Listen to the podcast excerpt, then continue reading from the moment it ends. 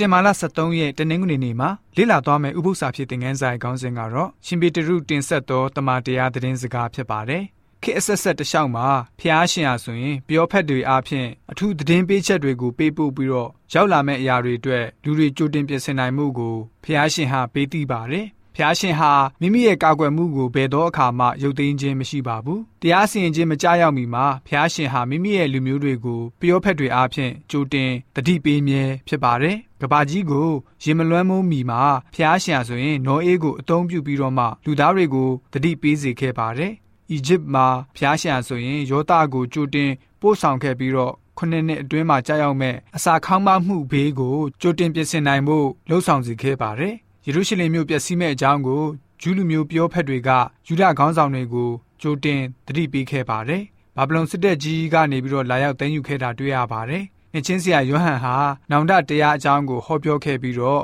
လူမျိုးတွေကိုယေရှုရှင်ပထမအကြိမ်ကြွလာတယ်ဆိုတာကိုကြိုတင်သတိပေးခဲ့ပါတယ်။ရှင်ပေတရုဩရဇာဒုတိယဆောင်ခန်းကြီး1အငယ်7ပြီးတော့အငယ်16အနေနဲ့21ကိုဖတ်ပါမယ်။ ထို့ကြောင့်ယခုဟောပြောသောတမန်တရားကိုသင်တို့သည်နားလည်၍တည်ကြည်ခြင်းရှိတော်လဲဤသို့သောစကားများနှင့်သင်တို့အားအစင်မပြတ်သတိပေးမိအမှုကိုငါမမေ့မလျော့ ငါတို့သခင်ယေရှုခရစ်၏တကိုးတော်ကို၎င်းကြွလာတော်မူခြင်းကို၎င်းသင်တို့အားကြားပြောသောအခါငါတို့သည်ပရိယေနှင့်ပြင်ဆင်သောဒဏ္ဍာရီစကားကိုမလိုက်ဘုံအာနုဘော်တော်ကိုကိုယ်တိုင်မြင်သောသူဖြစ်ကြ၏အဘဲတို့နည်းမူကားဤသူသည်ငါနှစ်သက်မြတ်နိုးရာငါဤချက်သားပေသည်ဟုသောအတန်တော်သည်ထူးမြတ်သောအရာအဝါတော်ထဲကထိုသခင်တို့ရောက်သောအခါခမဲတော်ဘုရားသခင်အထံတော်မှဂုံတရေဘုံအာနုဘော်တော်ကိုခံရတော်မူ၏ ကောင်းကင်ကရောက်လာသောထိုအတန်တော်ကိုငါတို့သည်တန်ရှင်းသောတောင်ပေါ်မှသခင်ဖျားနှင့်အတူရှိသောအခါကြားရကြ၏ထိုမှတပါတာ၍မြင့်မြတ်သောအနာဂတ်စကားတော်သည်ငါတို့၌ရှိသေး၏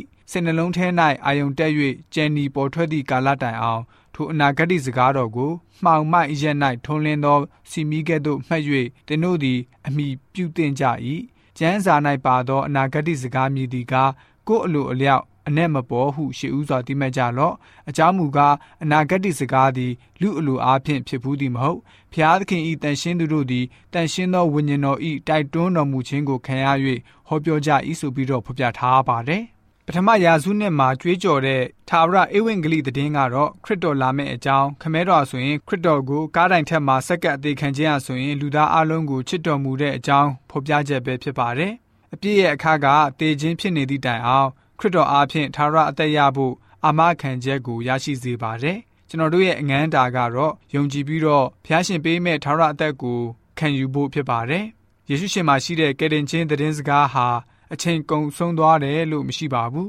။လူသားမျိုးဆက်အသီးသီးအတွက်အချိန်မီလက်တလောအတွက်အမြဲတမ်းရှိနေပါတယ်။တမန်ကျမ်းစာရဲ့နောက်ဆုံးကျမ်းဖြစ်တဲ့ဗျာဒိတ်ကျမ်းဟာဆိုရင်နောက်ဆုံးနေ့ရဲ့ကာလမှာယေရှုရှင်ကြွလာတာကိုအသင်စောင့်မျှော်နိုင်ဖို့ တင်ဆက်တတိပေးတဲ့သာရဧဝံဂေလိသတင်းစကားပဲဖြစ်ပါတယ်။လူသားတွေရဲ့မှားယွင်းတဲ့ထုံတန်းဒလေးနဲ့ကိုကျိုးဖက်ဘာသာတရားကိစ္စတွေကိုပြောပြထားပါတယ်။အစအဦးကနေနောက်ဆုံးကာလအထိဗျာဒိတ်ကျမ်းဆိုရင်ယေရှုရှင်ရဲ့အကြောင်းနဲ့ယေရှုရှင်ရဲ့လူသားကိုစားအမှုတော်ဆောင်ရွက်တဲ့အကြောင်းတွေကိုသိချစွာရေးသားပေးထားပါတယ်။ယေရှုရှင်ဟာခမဲတော်ဖျားရဲ့ဇရိတတော်ကိုတတ်သိပြတဲ့သူဖြစ်ပါတယ်။ ယေရှုရှင်ဟာလောကကမ္ဘာကိုအုပ်စိုးတဲ့ဘုရင်တွေကိုအုပ်ချုပ်နေရတဲ့သူဖြစ်ပါတယ်။ယေရှုရှင်ဟာကျွန်တော်တို့အားလုံးကိုချစ်တော်မူတဲ့ပုဂ္ဂိုလ်မိမိခမဲတော်ရဲ့ရှေ့မှာကျွန်တော်တို့ကိုရှင်ပြန်အရာမှာခံထားပေးပါတယ်။ရေပြောဟိတ်အရာမှာခံထားပေးပါတယ်။မိမိရဲ့အသွေးတော်နဲ့ကျွန်တော်တို့ကိုဆေးကြောပြီးတော့အပြစ်ဒုစရိုက်အားလုံးကနေလွတ်ချင်းအခွင့်ကိုပေးတော်မူပါတယ်။ဗျာဒိတ်ကျမ်းဆိုလို့ရှိရင်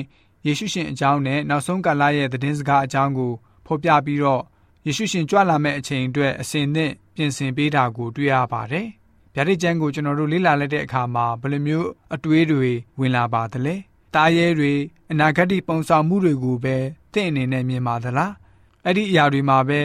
အာယုံနှစ်ပြီးတော့ရှုပ်ထွေးမှုတွေဖြစ်နေပါသလား။ကျွန်တော်တို့သိရှိရမယ့်အရာကတော့ဗျာဒိတ်ကျမ်းဆိုလို့ရှိရင်ကျွန်တော်တို့လူသားတွေအတွက်ဖျားရှင်ရချစ်တဲ့အတွက်ကြောင့်မလို့ကြိုတင်ပြင်ဆင်နိုင်ဖို့အတွက်ပေးထားတာဖြစ်တယ်ဆိုတာကိုသိရှိပြီးတော့ယေရှုရှင်ဒုတိယကျင့်ကြွလာခြင်းအတွက် အစင်းနဲ့ရှိနေကြတဲ့ယုံကြည်သူတွေဖြစ်စေဖို့အတွက်တနင်္ဂနွေနေ့ဥပုသ္စာပြေသင်ခန်းစာကဖော်ပြထားပါတယ်။